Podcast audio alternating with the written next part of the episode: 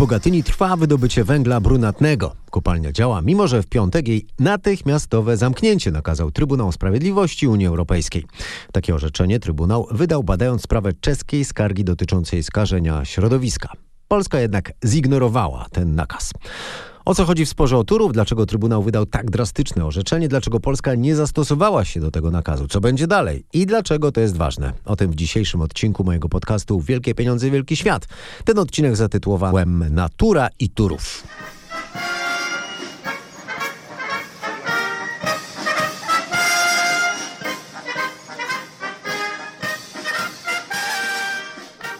W marcu Czechy wniosły do Trybunału Sprawiedliwości Unii Europejskiej skargę dotyczącą rozbudowy kopalni węgla brunatnego Turów. Czesi skarżyli się, że po ich stronie granicy spada poziom wód gruntowych. Zażądali wstrzymania wydobycia w czasie rozmów. Żądali też od Polski pokrycia kosztów budowy nowych studni. Po polskiej stronie być może mało kto spodziewał się, że Trybunał przychyli się do czeskiego wniosku o nakazanie zatrzymania wydobycia. To rzeczywiście drastyczny środek. Z jednej strony y, stosunkowo ograniczony problem dotyczący środowiska naturalnego, a z drugiej strony nagłe odcięcie gospodarki dużego unijnego kraju od ważnego źródła energii.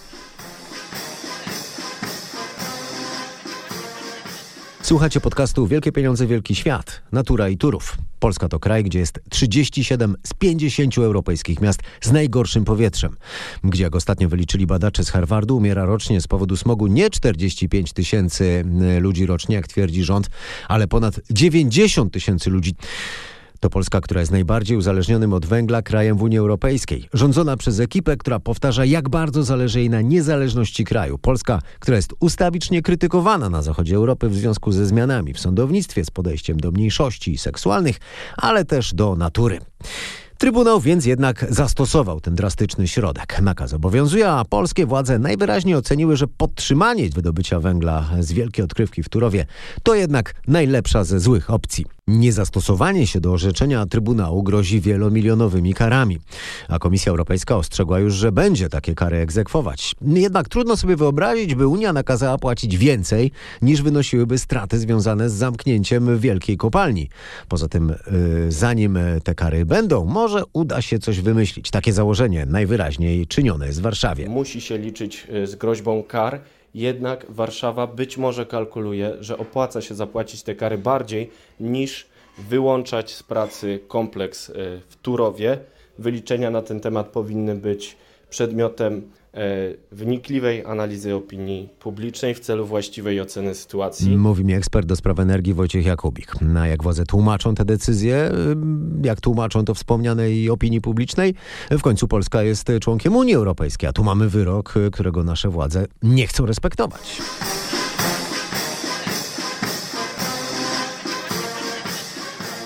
Zacznijmy od tego, że to nie pierwsza taka sytuacja. Kary finansowe pojawiały się już przecież e, za niewykonanie wyroku w sprawie głośnego wyrębu w puszczy. Teraz jednak zapewne chodzi o znacznie większe pieniądze, znacznie większe kary grożą Polsce.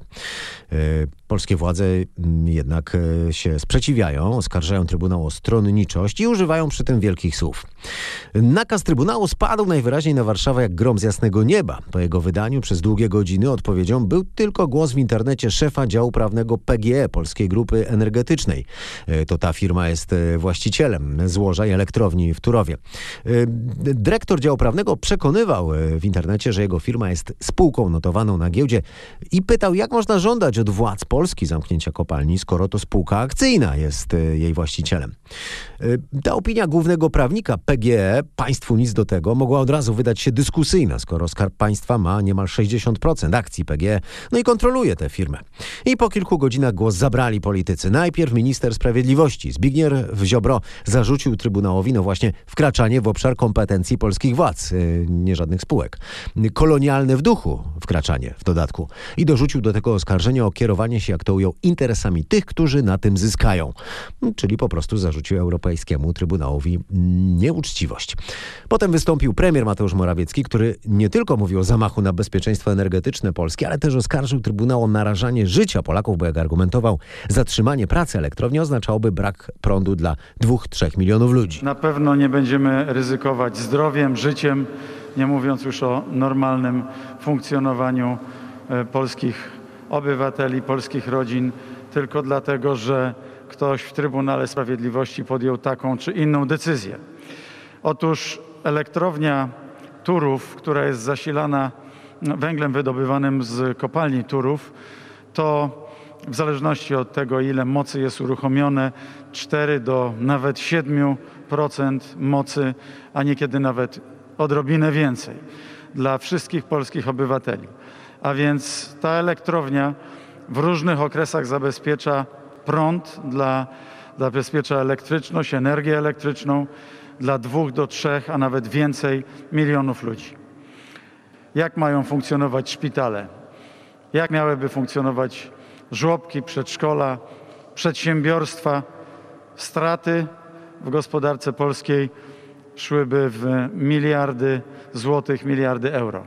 Dlatego nie tylko z całą mocą będziemy przeciwdziałać temu niesłusznemu, niesprawiedliwemu i e, niespodziewanemu e, wyrokowi czy decyzji, która zapadła w TSUE i jestem przekonany, że e, będziemy potrafili wykazać nasze racje i mm, całą sprawę zakończyć w taki sposób, ażeby przede wszystkim nie narażać zdrowia i życia polskich obywateli ze względu na taką decyzję, która zapadła w Luksemburgu.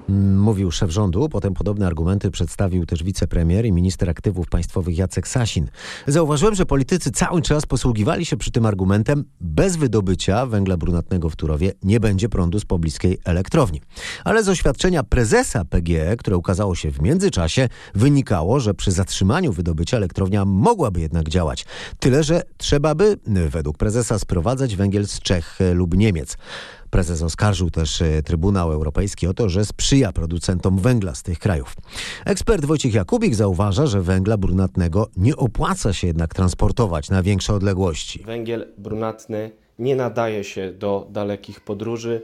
Wydobycie e, i zużycie tego surowca musi się odbywać bardzo blisko siebie, inaczej taka działalność jest całkowicie nieopłacalna ekonomicznie, dlatego decyzja o zatrzymaniu pracy kopalni Turów to w rzeczywistości wyrok na elektrownię Turów dającą kilka procent energii, e, którą zużywa Polska. Dlaczego Trybunał wobec tego uciekł się aż e, do tak drastycznej sankcji? Wyjaśnienie oficjalne jest takie, że ponieważ Czesi skarżą się na skażenie wody, a badanie sprawy potrwa, to trzeba wstrzymać pracę kopalni na wszelki wypadek, e, żeby nie powodowała skażenia domniemanego skażenia. Zaskoczenie władz w Polsce jest o tyle zrozumiałe, że Czesi żądali ponad 100 milionów złotych na budowę studni dla miejscowości położonych przy granicy, no a wstrzymanie pracy kopalni rzeczywiście niosłoby za sobą koszty rzędu, jak mówił premier, raczej miliardów złotych. Z drugiej strony władze nie porozumiały się z Czechami, ale też nie przejęły się chyba dostatecznie dochodzeniem w Trybunale, który uświadczył, że Polska nie wykazała w wystarczający sposób, że zaprzestanie wydobycia brunatnego węgla w kopalni Turów wiązałoby się z rzeczywistym zagrożeniem bezpieczeństwa energetycznego państwa, zaopatrzenia polskich odbiorców w energię, czy też z zagrożeniem dla transgranicznych przesyłów energii. Była szansa na utrzymanie dialogu z Czechami była szansa na to, że środki zaradcze podjęte przez Polaków uśmierzą obawy Czechów i zakończą spór. Nie jest jasne, czy Polska wyczerpała wszystkie możliwości dialogu i czy zainwestowała odpowiednio w środki zaradcze uspokajające Czechów. Na pewno Czesi nie są zadowoleni i stąd bierze się e, wyrok Trybunału Sprawiedliwości Unii Europejskiej, który zastosował środek zapobiegawczy po to, żeby na wypadek, gdyby E, ustalenia Czechów się potwierdziły, żeby działania Polaków nie zaszkodziły przyrodzie. I stąd się bierze decyzja o tym, żeby na wszelki wypadek zatrzymać pracę kopalni Turów. Wszystko to trzyma się, że tak e, to ujmę kupy, ale decyzję podjęła sędzia Rosario Silva de la Puerta z Hiszpanii, jednoosobowa, e, która ma już na swoim koncie również decyzję w sprawie Puszczy, która, jak mówiłem, jest teraz oskarżana o nieprzychylność wobec Polski. Jakie jest wyjście z tej sytuacji?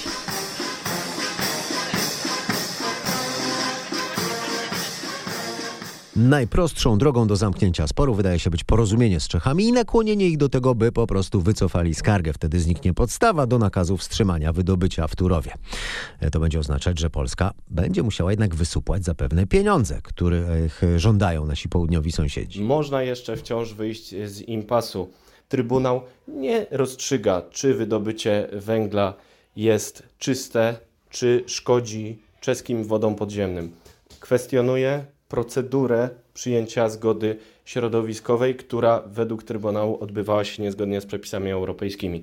Polacy mogą wyjść naprzeciw, e, podjąć dialog z Czechami, z Trybunałem i razem znaleźć rozwiązanie, które zakończy obecny kryzys. W tle tego kryzysu, tego konfliktu jest uzależnienie Polski od węgla. Polski plan odchodzenia od węgla według wielu kręgów w Europie jest za mało ambitny. Zresztą sama kopalnia w Bogatyni ma według polskich planów działać do 2044 roku. Czesi i Niemcy, którzy mają u siebie również wielkie odkrywkowe kopalnie węgla brunatnego, zapowiadają zamknięcie ich do 2038 roku.